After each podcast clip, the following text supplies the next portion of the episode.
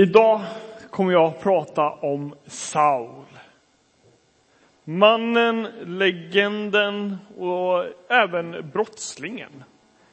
Även om han kanske inte gjorde någonting fel, för han hade ju lagen på sin sida till en början. Men om vi läser Bibeln om just Saul i Apostlagärningarna 9 så kan vi se hur han är en av de på den tidens mest våldsamma antikristna. Han skaffade sig uppdrag om att åka till Damaskus för att där skulle han hitta de där kristna, de som följde Jesus, den personen som man hade avrättat. Och han hade ju lärt sig att de är hädare. Hädare ska vi bara sopa under mattan, de ska inte få finnas till. De är inte dugliga att vara på den här jorden.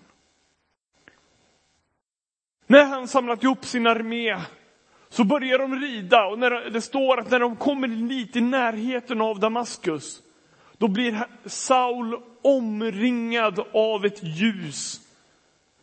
Ljuset får honom att falla till marken. Och när han ligger där på marken, då hör han en röst som säger Saul, Saul, varför förföljer du mig? Saul har bara en mening som han ropar ut och det är Vem är du? Saul, den här mannen som hade pluggat bland de bättre teologerna, de bättre skriftlärda på sin tid. Han var en av de bättre i sin klass och det hade också gjort att han hade fått gått högre upp i sin utbildning. Så han var en av de, ja, en av de högre utbildade i skrifterna på, i sin samvaro. Han hade lyckats.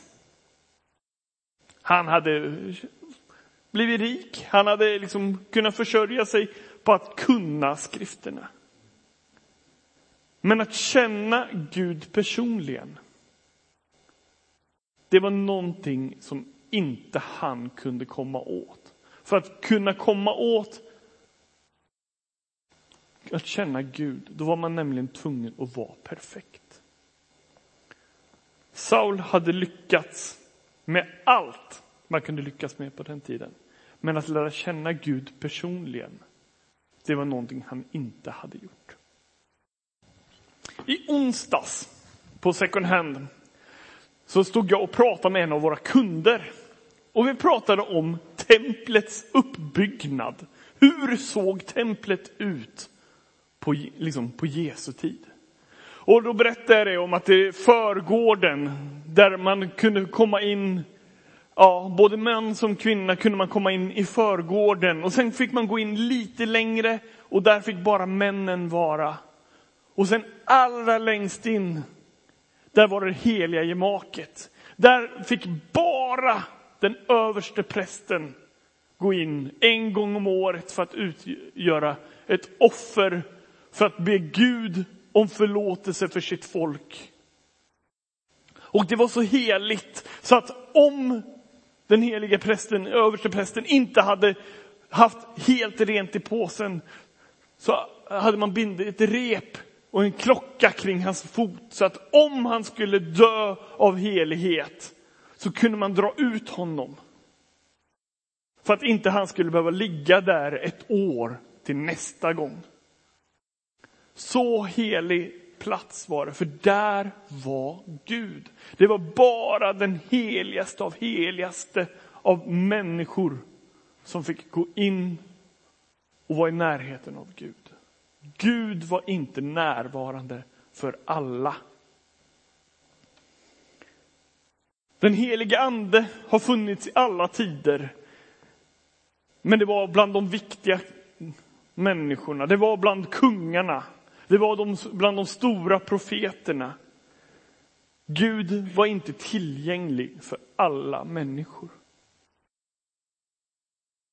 En vanlig person fick sällan höra Guds tilltal. fick inte se Gud göra mäktiga under utan att en präst hade förklarat, jo men det här är Gud. För de kände honom inte mer än att han är den heliga. Han är den som inte vi kommer åt. Gud var bara för de rättfärdiga och de heliga.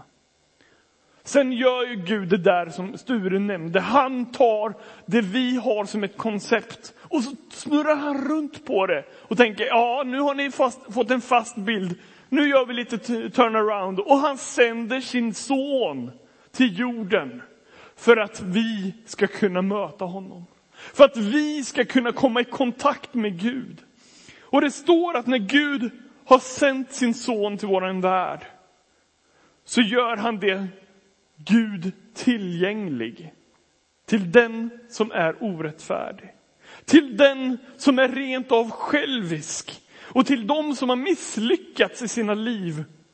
De får komma i kontakt med Guds son.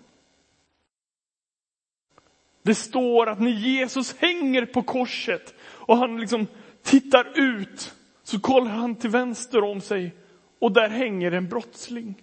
Där hänger en som de har sagt, du förtjänar inte att leva längre för du har gjort så mycket ont. Och brottslingen säger till, Gud, till Jesus, ge mig en tanke när du är i paradiset. Ge mig bara en tanke. Och Jesus säger, redan idag ska du vara med mig. När Jesus dör så står det att det som hade skilt det heliga rummet var en, ett förhäng som var, som var brett, så brett som man inte ens kunde skymta vad som hände där inne. När Jesus dör så brister det. Och det som var i det heligaste är öppet för alla att se. Det är öppet för alla att kunna gå in. När Jesus dör så dör han för alla, att alla ska kunna komma åt. Att alla ska kunna se, prata, känna Gud.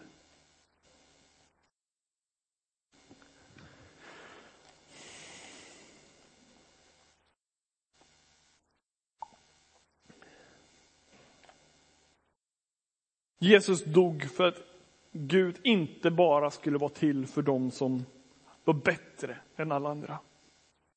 Inte bara för dem som hade förstått hur man ska vara goda föräldrar, förstått hur man ska vara en god syster eller bror.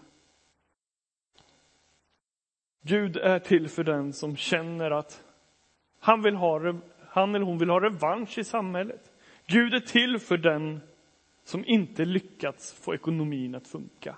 Gud är till för den som har fått ekonomin att funka, som har lyckats i branschen, som har lyckats och har fått ekonomin att flöda. Gud är till för alla. Den som har lyckats få till familjelivets alla bollar. Och den som vill kan få möta Gud idag. För vägen till Gud är öppen för alla. Tillbaka till Saul. Han frågade, vem är du? Och svaret han får, det är, jag är Jesus. Den du förföljer. Stig upp, gå in i staden så ska du få veta vad du kommer få göra. När han är i Damaskus, stackars Saul, så sitter han blind. Allt vrede han hade haft, det hade förvandlats till rädsla. Allt av förtroende på sin långa utbildning det hade bara förvandlats till förvirring och misstroende. Allt av stolthet över sin uppväxt hade förvandlats till intet ägande. Och då hör han hur en lärjunge vid namn Ananias kommer fram och kallar honom för broder. När han känner att jag är inte värd någonting längre, då får han höra av en lärjunge. Saul, min broder, Herren har sänt mig och nu ska jag be över dig. Ananias lägger händerna på Saul och det står att Sauls blindhet lossnar som fjäll över ögonen. Han blir fylld av den helige ande och han bestämmer sig för att döpas samma dag. Det är till och med innan han vill äta mat för att få nya krafter står att han tar och döper sig. All ängslan hade bytt till glädje. All hopplöshet hade bytts till hopp. Precis som den sång vi började med idag. Det var precis det vi sjöng, sjöng första sången. Om att våra ögon fäster sig, våra, all vår ängslan faller av. Vem var denna Ananias då? Han var ingen speciell. Han var inte någon profet. Han var inte med i ledningen i sin församling. Han var inte med i någon äldstegrupp. Han var en vanlig Jesu lärjunge. När, när vi läser texten så står det att han var inte speciellt förvånad när Herren ropar på honom, utan det står att han är, ja Herre, du ropar, vad, vad kan jag hjälpa dig med? Står i Apostlagärningarna 9. Herren ropade nämligen under hans vardagliga bön. Det är när vi har förväntan att lyssna som vi hör. Det är när vi har linjen uppe som vi kan bli ringda på. Om jag stänger av min mobil kan jag gå flera månader utan att någon ringer mig. För att den är avstängd. Men när jag sätter igång mobilen, då börjar det tjoa och kimma stup i ett. Och då är min fråga, nu kan lovsångsteamet komma upp. Vad har vi för nytta av detta idag? Jag är helt övertygad om att Jesus kallar på samma sätt dig idag som han kallade sina lärjungar. Kom och följ mig. Det är hans frågan till dig idag. Denna månad, denna rest av ditt liv. För Gud vill inte bara vara Gud över våra framgångar. Gud vill vara Gud över våra motgångar. Gud vill inte vara Gud över vår kärlek. Gud vill vara Gud även över våra mot, motgångar och vår nonchalans. Gud vill inte vara Gud över vårt hopp. Gud vill vara Gud över vår hopplöshet. Gud vill inte vara Gud över vår hälsa. Gud vill vara Gud över vår sjukdom. Gud vill inte bara vara med oss när vi längtar efter honom. När vi har slutat längta efter Gud och kanske flyr åt ett annat håll. Då letar Gud efter oss och längtar efter oss med stora öppna famnar och säger Här är jag. Vänd om. Kom till mig. Kanske finns det här som vill säga ditt ja för första gången. Ja, jag vill vara en lärjunge. Kanske är du här som vill säga ditt ja för femtioelfte gången. Gud står med öppna armar och säger, här är jag.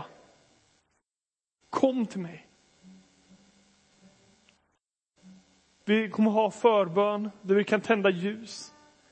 Där vi kan eh, skriva lappar, där vi kan få tala med någon som vill be för oss. Välkomna fram. Kanske finns du här som behöver lämna någonting i ditt liv som du inte vågat, kanske inte velat lämna tidigare. Gud vill vara Gud över hela våra liv. Gud var Gud över Jakob, inte Israel, utan Jakob. Mannen som var känd för att vara lurendrejare. Men han får upprättelse. Gud var Gud över Saul. Han får upprättelse och blir Paulus.